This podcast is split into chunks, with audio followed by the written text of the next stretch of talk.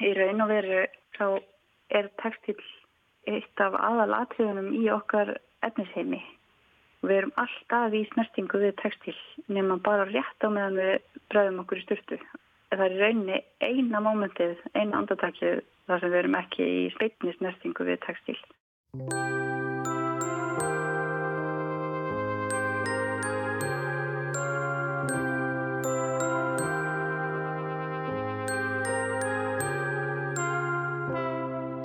Var Lilli Erla Adamsdóttir.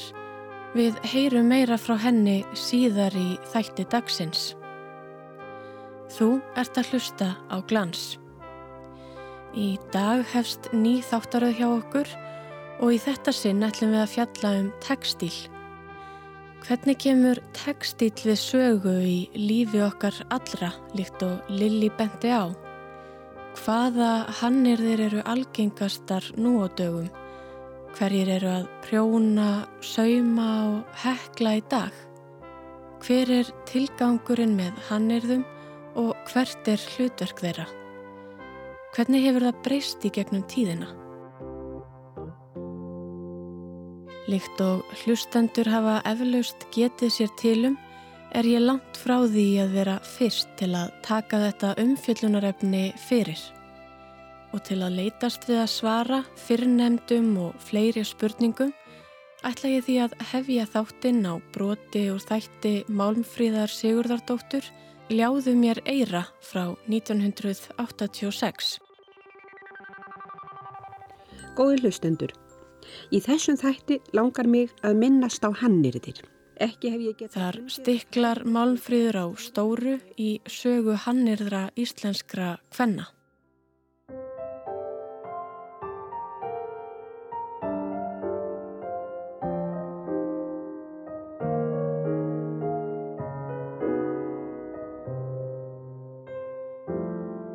Ekki hef ég getað fundið að fræðimenn hafi grafist fyrir um eða fundið staðfestingu á hversu langt sé síðan farið var að nota nál til sauma.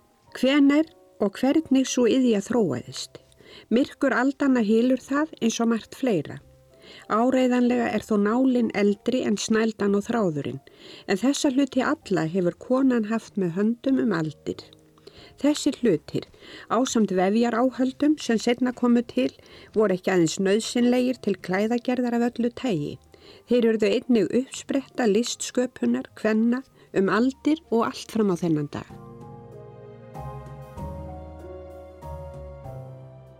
Guðrúnar kviða er í röð frægustu fornra hetjukvæða. Í eintalsljóði þessu rekur Guðrún Júkadóttir æfi sína allt frá bensku og þar fram er hún hefur gefin verið alla húnakonungi og sér fyrir grimmilegans viðskilnað þeirra.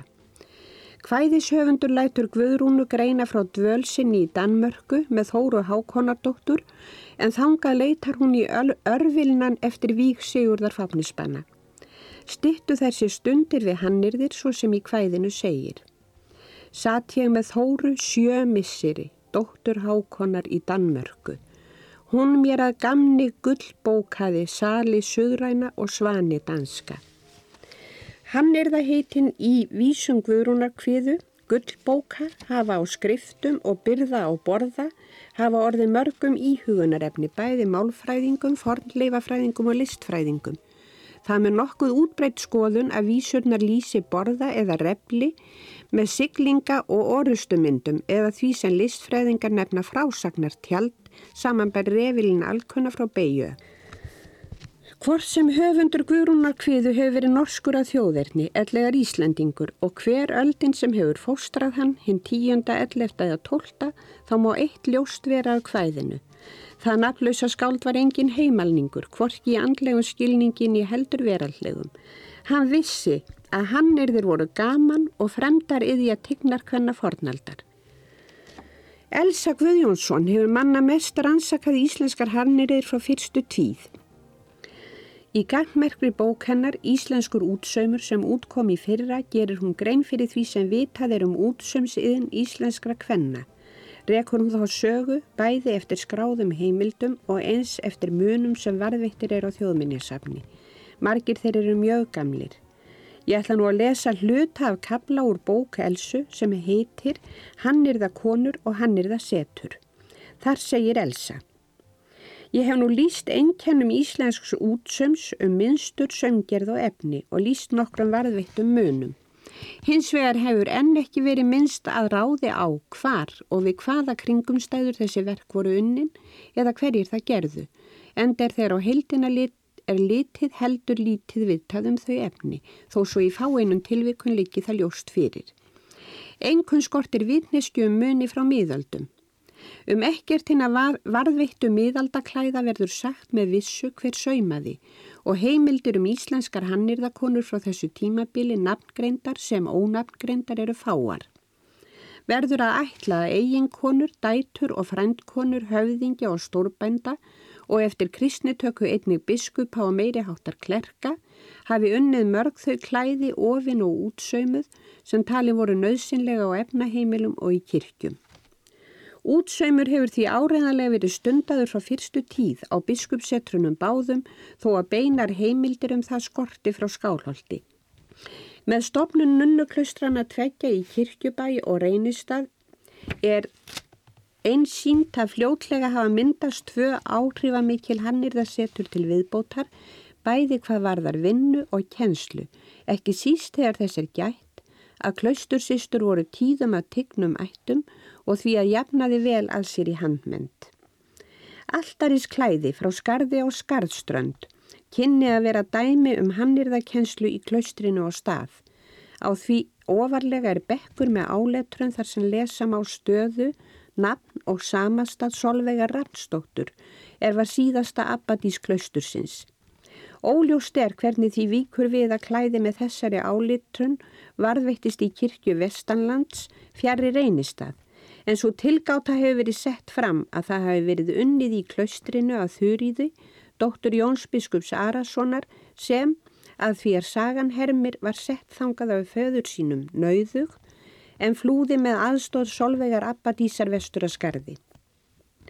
Þó svo að miðalda heimildir um útsaum síu fáar verði sljóst að launuð vinna við hann erður að stundum hér á landi á þessu tímabili, ekki síst þegar þess er gætt, að verðlaga útsaumi, það er á hverja alin af líni, saumaðri með lit, er tilgreint í handri til að búa lögum.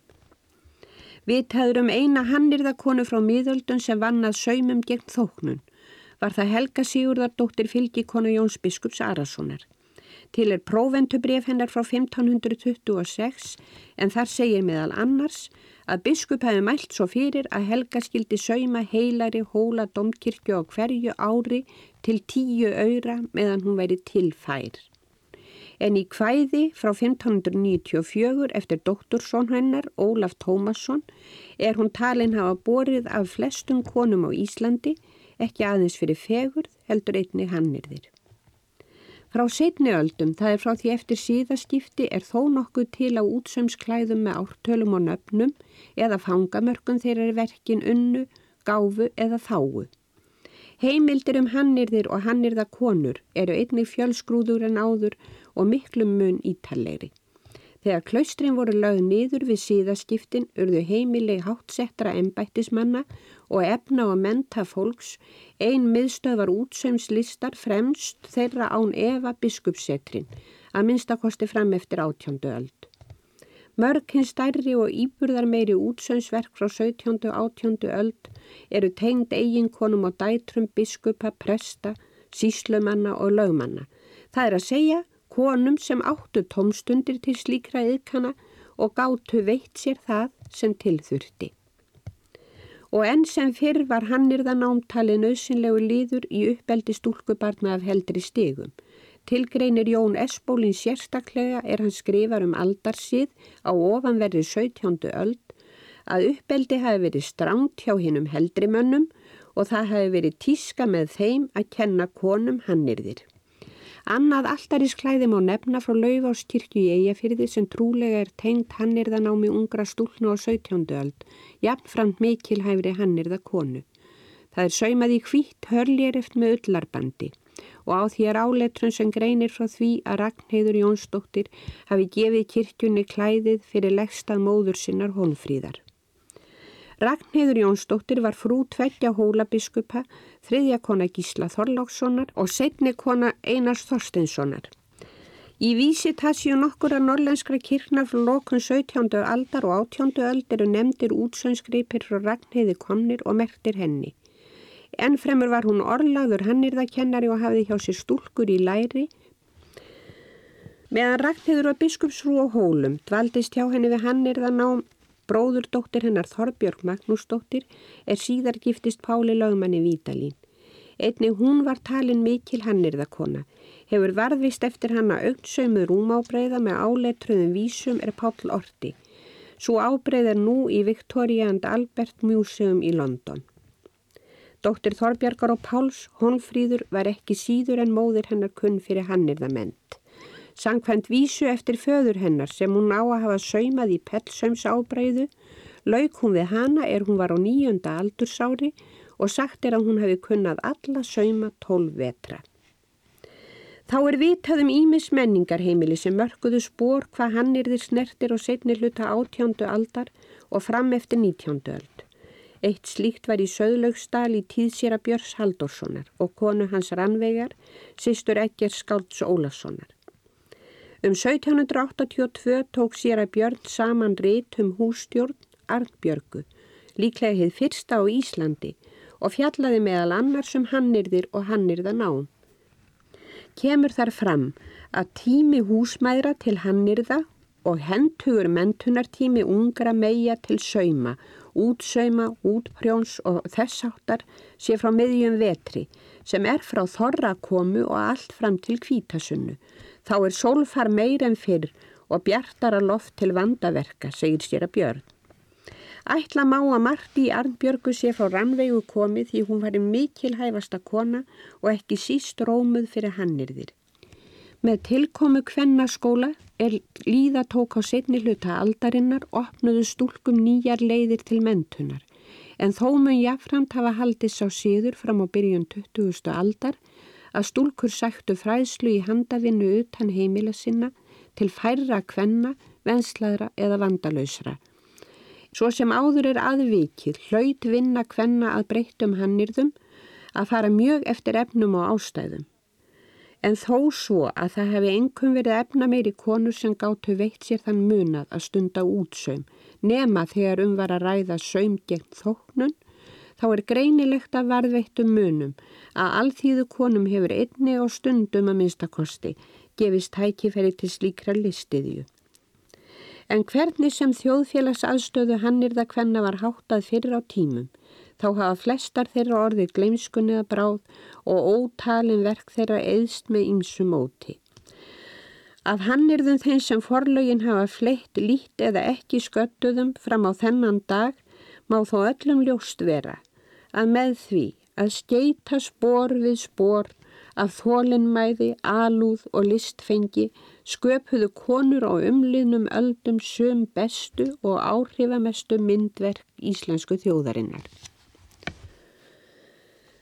Þráinn til að gera fagra hluti, hafa eitthvað fallegt fyrir augum, hefur án eva kvart konur til hannirða, orðið henn kvild og upplifting Jafnvel þótt þeim finnist þær stela stundunum til þess frá annari og eftir vil þarfari eða nýtsamleiri yðju.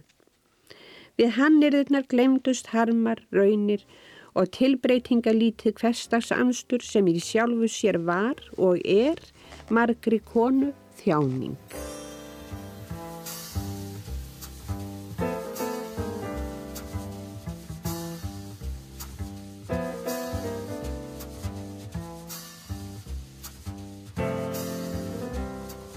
Úr því sem var í það sem er. Já, eh, ég heiti Lili Allatánsdóttir og ég er sjálfstætt starfandi myndlistamæður og svo starfa ég sem deildast yfir textildildin í myndlistskólanum í Reykjavík.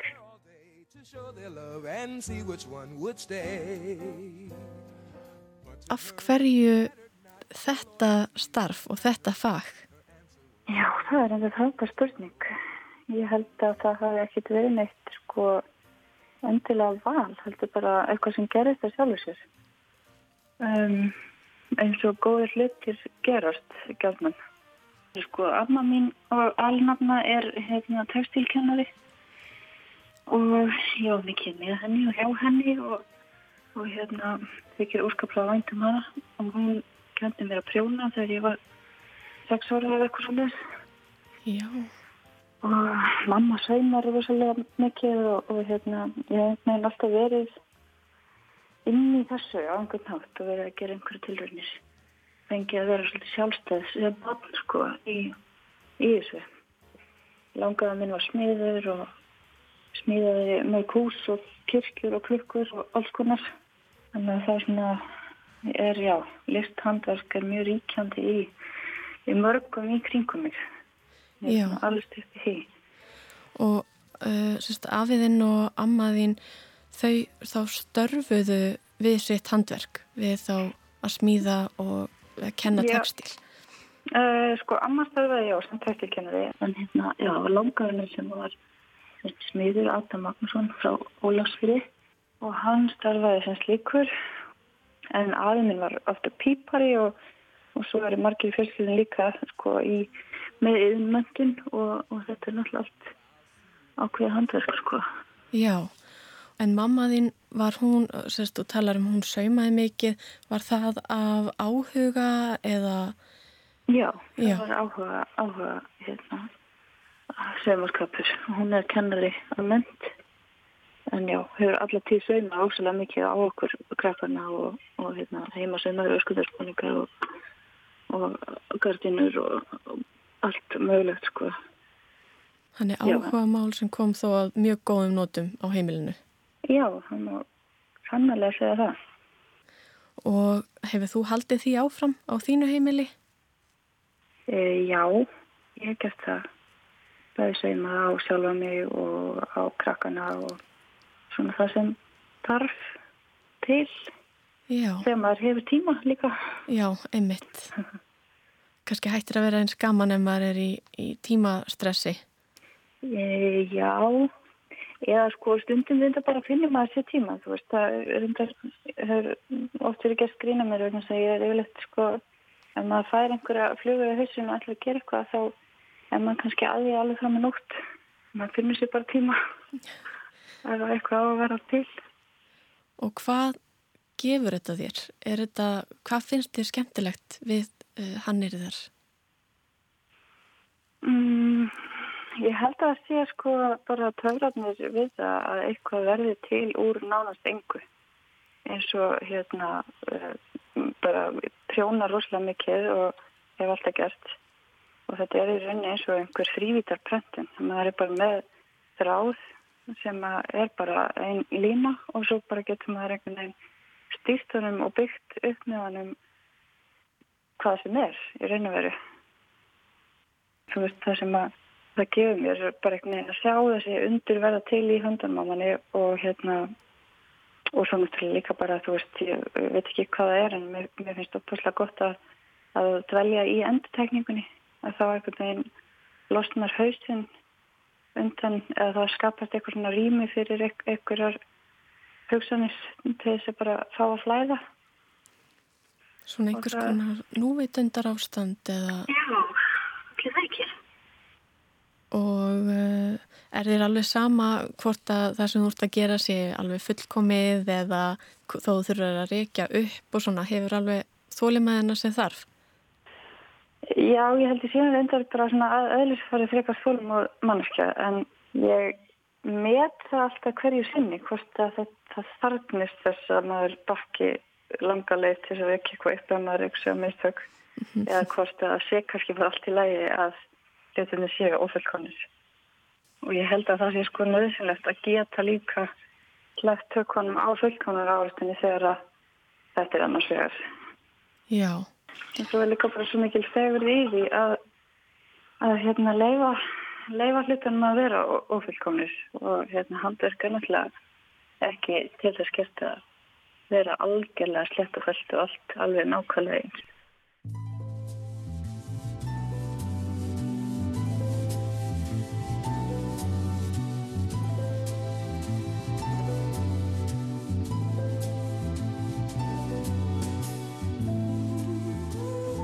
og hvað er til dæmis öðruvísi við eitthvað sem er búið til í höndunum ef við tökum bara sem dæmi peysu um, og svo eitthvað svo kaupir út í búð til dæmis peysu sem að þú annarkort gerir sjálfur eða færði gjöf sem einhver uh, ástvinnur hefur búið til eða keift út í búð.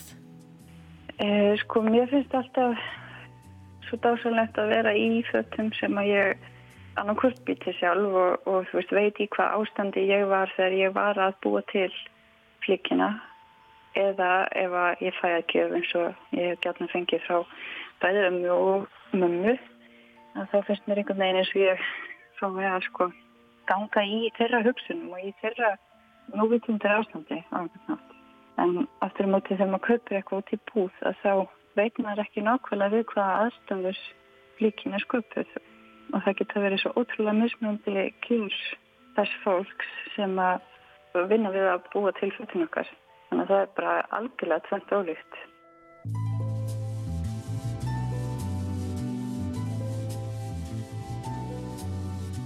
Ef þú ættir að lýsa svona hvað þér finnst vera helstu breytingarnar og þróunin, hvað varðar íslensk hannirði og textíl frá því þá og nú, uh, hvað kemur helst í hugan? Sko, í raun og veru náttúrulega áður fyrir þá var, uh, voru hannirðir eina af, af stærstu útflutningsvörum okkar Íslandinga. En það er náttúrulega, þannig að það er mjög ólíkt því sem var áður. Það bara sátu allir við og, og prjónuði sokka og, og þeir voru sendið landi, sko. En hérna í dag er þetta meira svona e, algjör munaðarvara og luxus að hérna gefa sér tíma til þess að gera þetta eða að einhver hafi gefið sér tíma til þess að gera þetta fyrir sig. Þannig að hérna það hafa breyst náttúrulega þú veist að þetta er ekki raunni rosalega lítil atvinnugrein ef við erum að tala um sko handverkið Já. í kringum textil. Það er náttúrulega líka, já, þú veist, eðinæðurinn, ef við bara, þú veist, erum að tala um svona í aðeins öðru samingi kannski, þá hefur líka breyst áslega mikið að það var meiri textilinnar á Íslandi eins og annar staðar í Evrópu og það hefur lagst af og flust meira til Kína og Indlands og andra landa en við höfum ennþá eftir eins og prjónaverksmiðina Glóba en ekki varma og Ístex náttúrulega spinnir upp inn okkar. Þetta er svo miklu, miklu þundri yfnaður og annars konar í rauninni. Þannig að forsendurnar fyrir uh, yðguninni, forsendurnar fyrir því að maður er að prjóna eða sauma á þess aftar, þær hafa kannski breyst eins og segir svona úr því að vera atvinnugrein eða atvinnuforsenda eða því að vandi kannski bara öll og sokka á heimilið og vellinga yfir í meira svona eins og segir munað í rauninni. Já, í raun og veru. Það var líka kannski talsvert meira um að konur unnu heima við og unnu í þáu heimilisins uh, fyrst og fremst sem var náttúrulega bara full atvinna og þá var þetta hluti af starfinu bara í raun og veru að skaffa heimilisfólki fatnað hvort sem það var prjónaðið að seimað og ég held að það bara verið örglega til á talsvert fleiri heimilum þá heldur nú prjónavélar og annars svona heimilis sko tæki sem að fólk nýti til þess að, skapa þessar vörur fyrir sig og sína. Þetta var náttúrulega heimilis yfnaður en svo náttúrulega þegar allir eru út á vinnumarkaðinum og þá er ekki tími til þess að, að gera þessa hluti. Og, og þá, þá verður þetta algjörlega einhvern veginn miklu meiri munaður. Og ég veit ekki hvort að konur þá hafi veist upplifað þetta sem einhvers konar núvitund. Að setja við og, og skaffa þessar vörur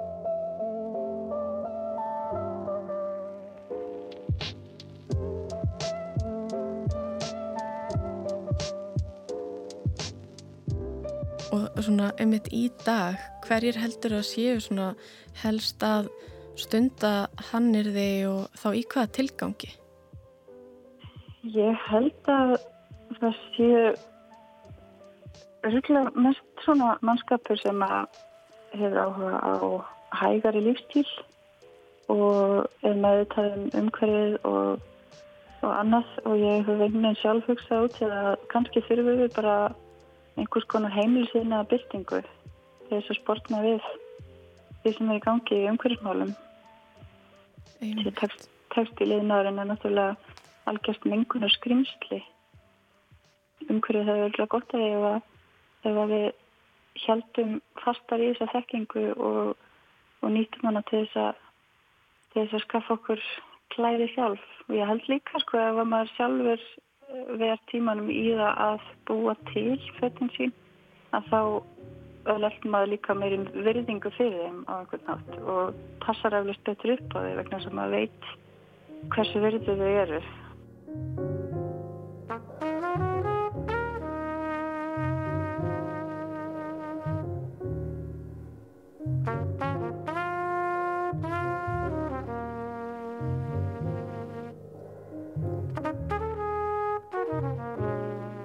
Hvaða hannirði eru algengust hér á landi?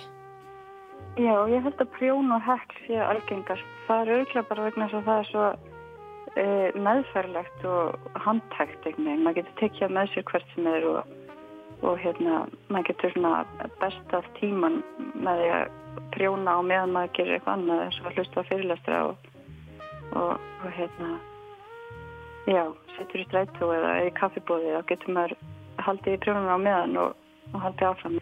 Og hekl er samskonar en eins og hérna vefnaður hann kannski krefst meiri útbúnaðar og það fyrstu í því að tilenga ákveð, ákveð rými þessu tæki sem vefstökin er en það er samt líka að það eru stökan á, á einhvern nátt og við skinnja meiri áhuga fyrir vefnaður heldur en hefur verið.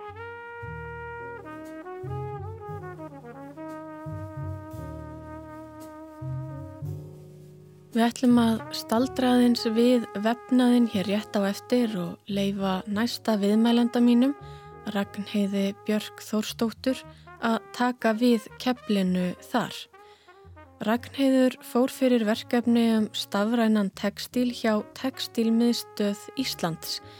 Miðstöðin er staðsett við ósa blöndu á blöndósi í sögufrægri byggingu Kvennaskólans á blöndósi.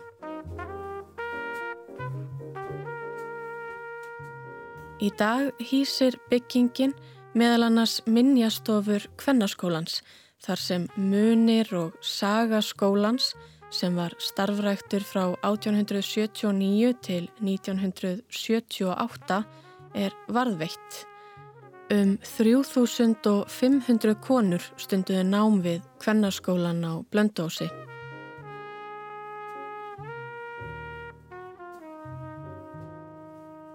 Áður en við ræðum við Ragnheiði ætlum við aðeins að kynnast skólanum og starfsemi hans betur og heyra frá heimsókn Ragnars Jóhannessonar dagskrágerðamanns í Kvennaskólan á Blöndósi árið 1959.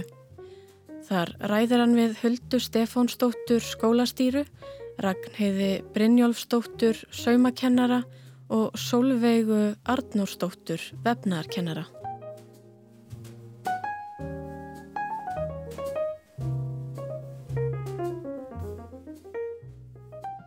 Einn af eldstu og virðulegustu skólum þessa lands er Kvennaskólin á Blöndósi. Hann á sér langa og merkilega sögu og starfar enn í fullu fjöri og með miklu starfi undir stjórn Huldu Stefansdóttur Forstuðukonu.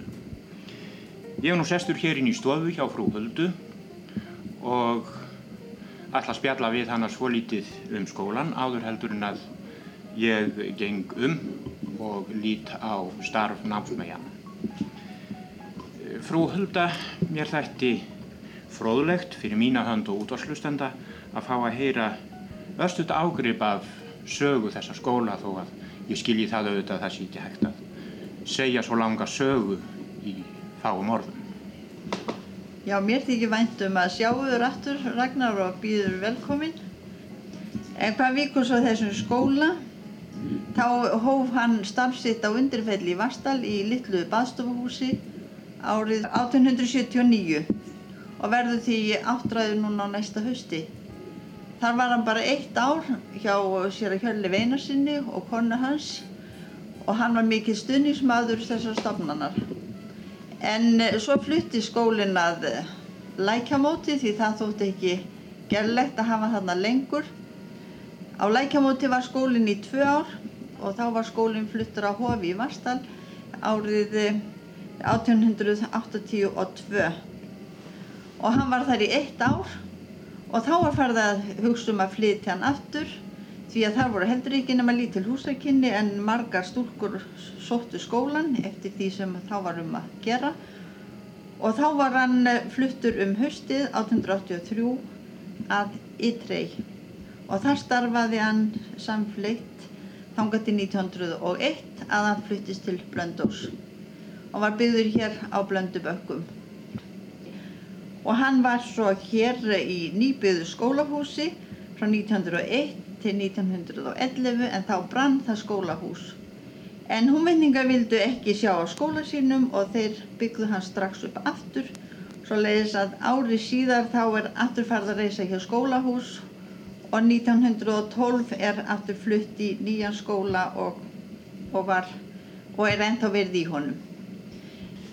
Já, mér langar til að spyrja eins í sambandi við frú Elinu Brím þá miklu merkiskonu. Eh, hún kom aftur á skólan og var það ekki? Jú, hún kom aftur eh, einmitt 1901 þegar skólinn flutti hingaða Blöndósi og var hér skólastjóri til 1903 en þá gifti hún sig í annarsinn og flutti til Söðorkrós. En það var ekki, hún var ekki að bækja dottin fyrir það.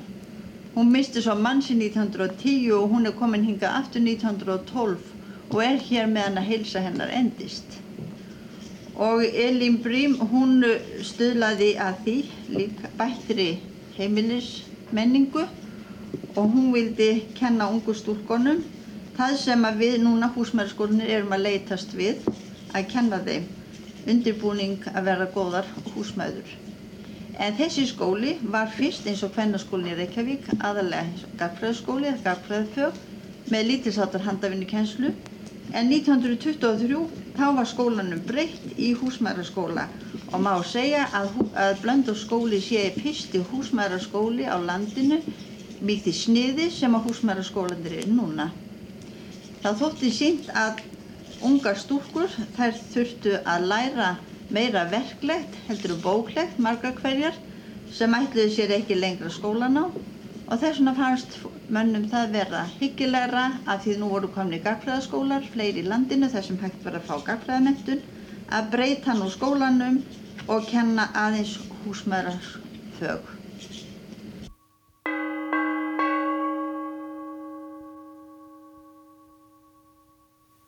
Síðan göngum við um skólastofunar þar sem að námsmæjarnar eru meiru og minna að störfum.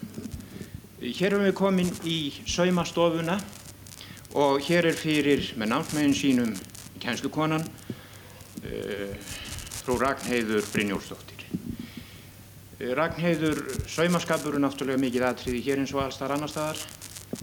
Já, maður er nú reyna að undurbúa stúrkunnar svolítið undir eh, lífið, að það sé svolítið sjálfstæði með að sauma bæða síg á krakkana sína þegar það er kemur og þess vegna er maður nú að, að reyna að koma þessu eitthvað áfram hérna og vinna við þetta. Hvað eru margar stundir á viku sem að það stundar saumarskap? 36 stundir á viku. Já, það er ekki svo lítið, það er eftir að geta saumað eitthvað þegar það eru komnar í húsfræðistöðuna. Já, ég maður vona það, það hefði eitthvað gagnað þessu. Hafið þér starfað hér lengi, Ragnarður? Þetta er sjötti vitturinn sem ég er hérna. Já, þakka þér fyrir.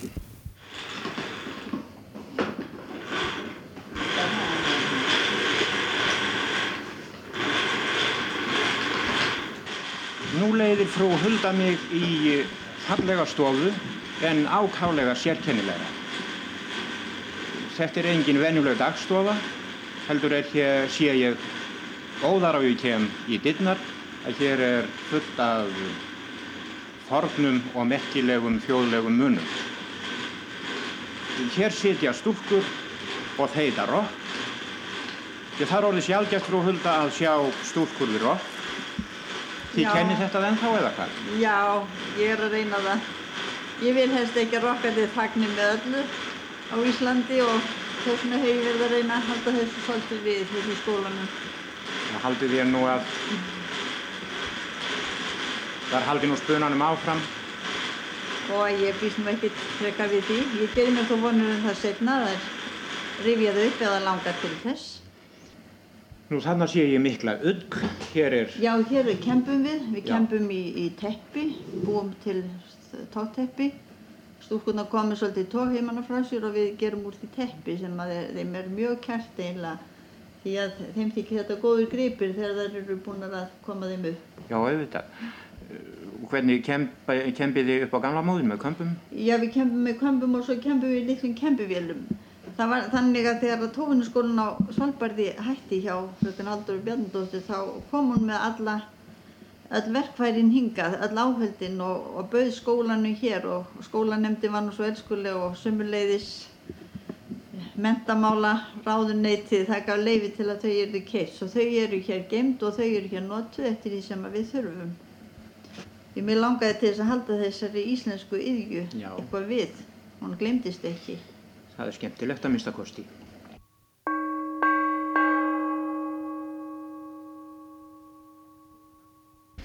Þá erum við komin hér í vefstofuna sem er á efsta lofti.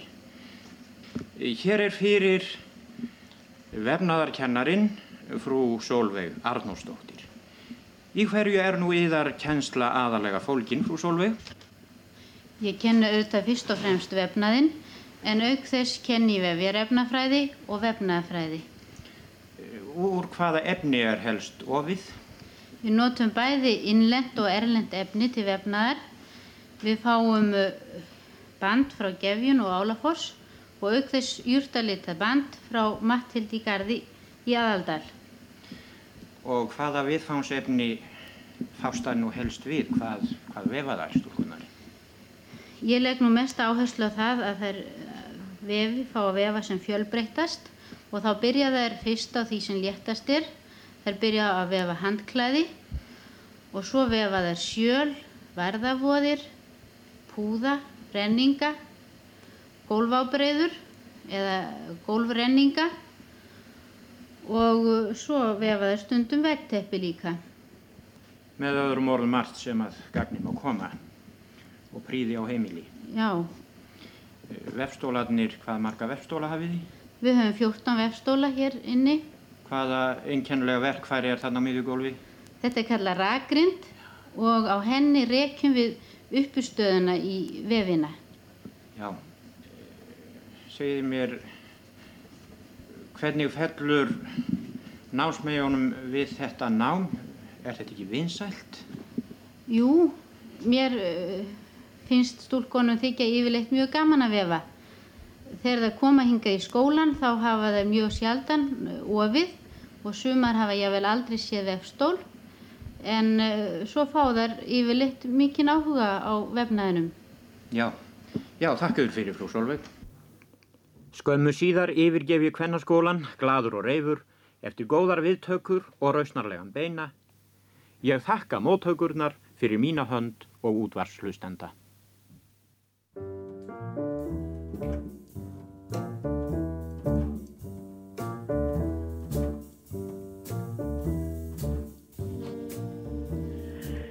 Já, ég heiti sem sagt Ragnar Björk Þórsdóttir og er textilistakonna og vefari. Og núna er ég að kenna hérna á Hallómstað vefna í náminu sem er hér á fjórðastígi, svona sjálfbærni nám en annars hef ég verið að vinna bæði hjá Textilmiðstu Íslands og Blöndósi verið þar í sér verkefni mitt í stafrann með vef. Og þar áður hef, var ég framhanskóla kennari í verk, verkmyndaskólum Akureyri í um 30 ár. Er mikil aðsókn eins og í Hallómsdagsskóla og í almennt? Já, það er 15 nefndir skólanum, skólan er algjörlega fullur. Tíu af þessum nefndum er hjá mér í vef, það komast nú bara ekki fyrir fyrir og þau eru sérst að setja upp í vefstóla og ég er svona að genna maður staði að vefa og svo bara verða þau sjálfstæði í því að gera sín verkefni eftir að ég er farið. Já. Og þá eiga þau bara að geta bjarga sér sko. Ef að þú ímyndaðir um, einhvern sem að veit ekki neitt um vefnað eða textíl eða hannirði, mm -hmm. uh, hvað er vefnaður og hvernig vefar maður? Hvernig vefur maður? Ja, einmitt. Já, það er þetta að vefa í rauninni í, í ramma, uh, það er þetta að vefa á vegg, það er þetta að vefa á spjöld, það er þetta að vefa í vefstól, bæði láréttum og lóréttum vefstól. Þannig að þetta vefa á rosalega margan hátt og ef maður er að gera alls konar tilunni myndu til dæmis er eiginlega alltaf ofinn í, í svo kallum loðréttum vestól sem að stendur svona uppi svo gamli kljásteina vestæðurinn mm. það er uppistandandi við vegg en hinnir eru svona uh, hérna horisontal hvað heitir það nú aftur? Þeir eru þess að þeir eru láréttir. Maður situr við þá og slær að sér þannig að hérna þetta er svona ákveð þetta er bara stórt vinnutæki sko þetta er eins og að sitja við píano eða eitthvað Og hvaða hluti framleiði maður eða getur maður gert með vefnaði? Það er náttúrulega, sko, það er, þetta vefa allt í vefstól, það er alveg saman hvað það er, það er bara spurningum hversu mikið maður nennist. E, þær eru í fyrst og fremst að læra uh, þessa uppsetningu og svona læra ákveðna bindingar. Við leggjum áherslu að skera svolítið mikið að tilraunum, pröfi alls konar efni.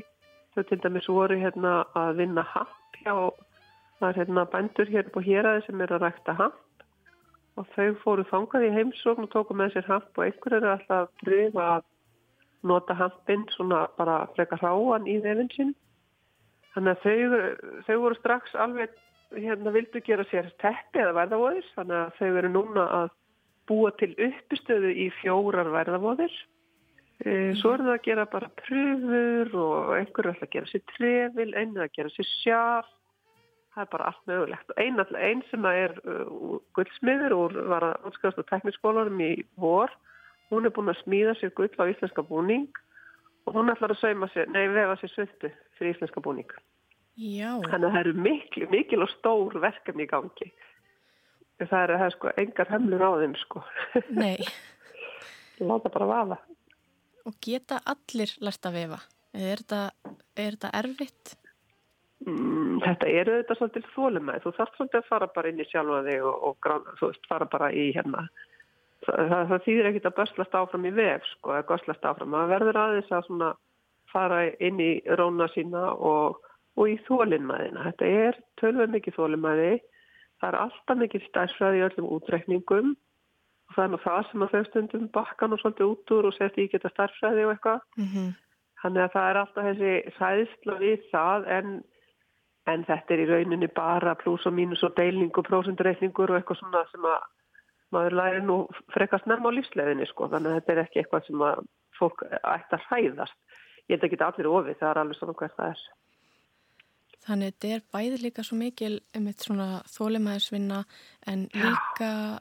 Í rauninni mikið verkefni fyrir hausinn.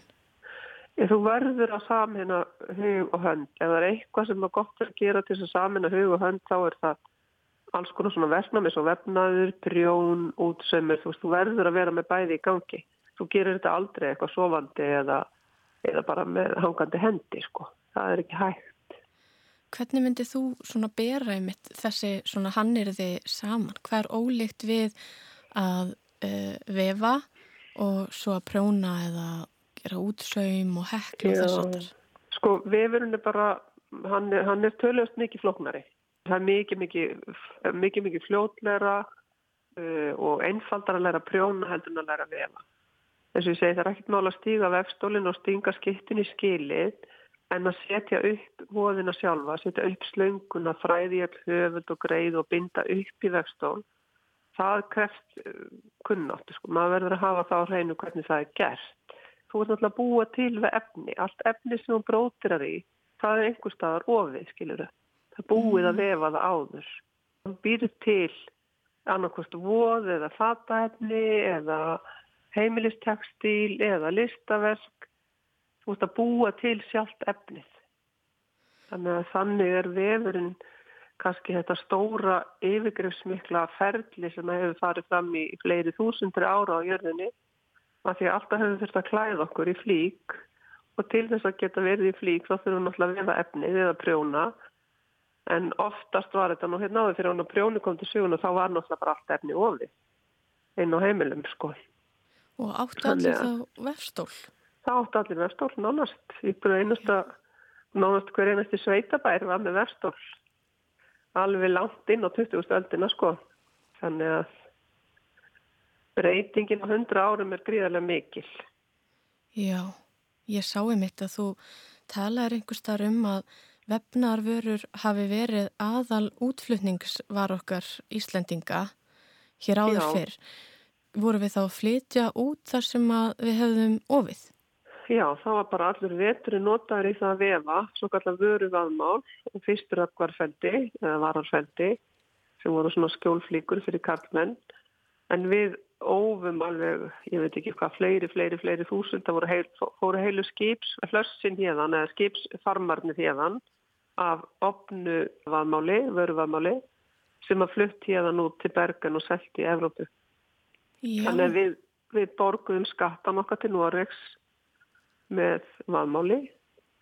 Það voru allstar kljástinu vefstæðir þar sem konur voru að vefa 200 metra af vaðmáli á hverju metri sem síðan var bara gjaldmiðlinn. Þetta var gríðarlega stór og mikil atvinnugrein á Íslandi hérna á öldum áður, á miðöldum og og alveg inn á 17. öldina. Svo taka vestmiðurna við einhver tíma rétt um 1900, bæði Álafoss og Grefjun og það er náttúrulega, fór, það fór alltaf hausin að það var búið að loka báðum vestmiðunum upp á 1990. Þannig að það hefur ekkert verið flutt út hérna frá, landi, hjá, frá Íslandi einn einasti metur af efni síðan vestmiðurna fór á hausin. Þannig að það er ekki til eh, vestmiður vestótt á Íslandi, ekki einasti. Þannig að það er ekki margir kannski í dag sem að hafa þetta atvinnu? Nei, það er náttúrulega, ég myndi að tellja að það veri kannski einhverju vefara sem er að vefa eins og það er í Míró í Hafnafjörðu, það er að vefa svona nýtjatekstil, mm. heimilistekstil og alls konar púða og dúka og ýmislegt og selja um Reykjavík-svæði og síðan eru náttúrulega listamenn sem að, tekstilistamenn sem að nota vefin sem sinn myndlistamiðil. Já. Þeir eru allt nokkur og það er einn síning núna á listasafni Íslands það sem mörgir vefarar eru eða textilistamenn sem eru að nota vefin sem sett tjáningarform. Þannig að ég veit ekki hvað veru mörg, margar eða mörg ég hugsaði síðan innan við hundra sko. Gísk á svona 50-60 mörgulegi sem eru þá bara í heldina að vefa. Já. Já. og margir er náttúrulega í einhverjum öðrum störfum er eins og ég að kenna og, eða vinn ykkur annar þar mm -hmm. og eða eru engung að vefa einhverjur eru engung að vefa mm -hmm. það er alveg sannig Einmitt. Þannig að sumir hafa kannski atvinna á þessu aðrir eh, eru, eru listamenn og, og sumir kannski gera þetta sem áhuga mál Já, það eru öruglega að hefur fjölga svolítið í þeim hópi þar sem þetta er áhuga mál mm -hmm. Ég finn það, ég hef aldrei verið beðin oft um að koma og hjálpa fólki að setja upp í vefstórn og segja svona leipina fólki með það sem maður vill vera að gera þetta af áhugamáli. Vefa tuskumottur og trefla og eitthvað. Þannig að það er aðeins að klæðast sko.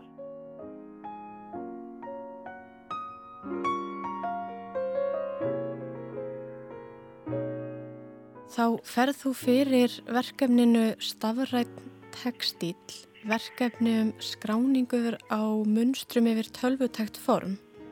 Já, þetta, þetta er þess að textimistu Íslands sem að fekk rannsóknastyrk frá Ramnís árið 2017 og ég var verkefnistjóri í þessu verkefni sem var bara ljúkan um síðustu mánamátt. Við erum sem sagt búin að skrásetja yfir 1500 gömul vefnaðmjöstur sem eru frá 1930 til 1970 eitthvað sem eru bæði hérna Sigrun P. Blöndar sem var skólamestari hér á Hallónstað. Þetta er all námskögg Guðruna Jónasadóttur sem var vefnaðakennað í myndlist og handverðskólanum gamla og síðan er þetta öll kennslu og vefnaðagögg og námskögg Solvegar Arnósdóttur sem var líka vefnaðakennari. Þannig, og svo er þetta gögg hvernarskólan svo Blöndósi sem er gríðarlega mikið sapna bókum og upplýsingum þar sem að nemyndur voru að gera í skólanum sem var ábúrslega mikið og flottur vefnaður. þannig að ég sem sagt fekk allir þessar bækur í hendunar tekstilmiðstu og vinni kvennarskólans eiga allt þetta rosalega safna bókum og ég er búin að liggja yfir þessu skruttum í fjögur ár setja þetta allt í tölvutækt form og síðan er þetta komið inn í gagnagrunn sem er inn á heimasíðu tekstilmiðstöðar Íslands sem er náttúrulega fyrstir sinna tegundar á Íslandi og þó við að vera leita Og með þessu þá hefur tekist að varveita þessi munstur? Já, já, það búið skrásetja þetta allt ráðrænt, síðan ljósmyndið við líka allt gögnin, þetta er allt handskrifu gögn og handgert allt saman, all bindiminstur eru handteknuð og þetta er ofbúslega fallegt.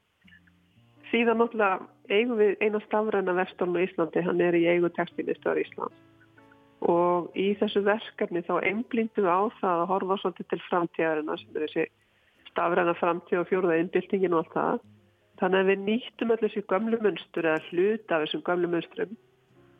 Nýttum við þannig að við settum þau aftur í nýtt form og settum þau inn í Photoshop og Illustrator og inn í forritið þess að hanna og búa til ný munstur. Þannig að við ófum aftur gamlu munsturinn á nýjan hátt í stafrænum vefstól. Já, hvað er stafræn vefstól? Stafræn vefstól er þeim bara vefstól sem gengur fyrir tölvun þú ert ekki að, að hérna, gera eins og í gamla dag það sem að vand bara, eða eins og ég er að gera hér á Hallastad, þá er bara með venna vestóla en á Blöndós er við með mjög fullkominn stafrannan vestól sem að þýðir það að það er tölvan sem að stjórnar öllu ferlinu í vestólun hvaða þræðir fara upp og hvaða þræðir þarf að fara niður þannig að þú getur ofið allt sem þú vilt í stafrannan vestól Vá, og taland um svona hvort að hver sem er getið vefað, getur hver sem er vefað með stafræn, eh, stafrænan vefstól?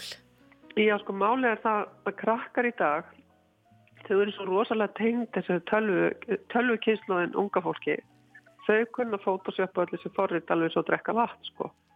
Já. Um. Ég, ég held að þau yrði að vera búin að læra vef og varu góð í vefnaði, en í raunin er ég búin að sjá það á þessum árum sem ég er búin að vera að halda námski í stafrænu vef, að það liggur við að sé mikilvægar að þau kunni fótosjöpa heldur en að kunna vefa.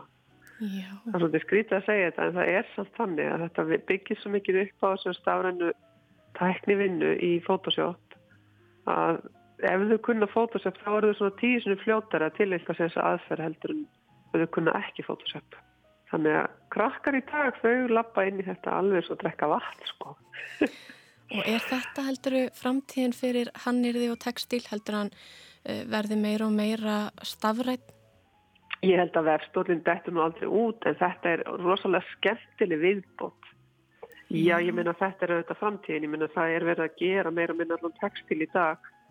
Ofinn textil hann er meira minna gerður í einhvers konar stafræna vefstólum sko en það er auðvitað líka verið að nota þessa gömlu vefstóla sem eru búin að ganga síðan einhver tíman á 18. eða 19. öldinni fyrir vaðmál og einskiptu og allt þetta fyrir bara venlega efni í heiminum sem er út um allt náttúrulega aðalega flyttist þetta náttúrulega til Kína eftir hundsávitríkjana eins og vestmynda hér fór náttúrulega hausin eða um leið og í ártjaldi hrundi þá hrundi textilinnar í Evrópa og allt flyttist þetta á ódýrari svæði. Þannig að það eru auðvitað vefsmiður út um allt en auðvitað er allir í dag að reyna að finna upp betri aðferðir, hreitni aðferðir, vistvætni aðferðir. Þannig að vefurinn er rosalega mikið. Fólk hefur mikið áhuga að vefi í dag því að hann er svo sjálfbært Eh, þú getur nýtt allt efni sem tilfellur og ofið úr því. Þannig að ég veit að krakkandi hér eru í sjálfbæri námi þannig að þau sjá svo miklu tækifæri í, í vefnum að því að hann er svo hann, hann er svo nöðsynlegur og hann er svo sjálfbær. Það er svo gott að geta það að vefa efni sín sjálfur ef maður fyrir út í það ef maður nennir því. Þannig að þetta eru þetta eitthvað sem við þurfum að hugsa mjög mikið um í samfélag umhverfismál. Þannig að já, ég held að við munum þetta muni færast miklu nær okkur aftur. One, two, three, and...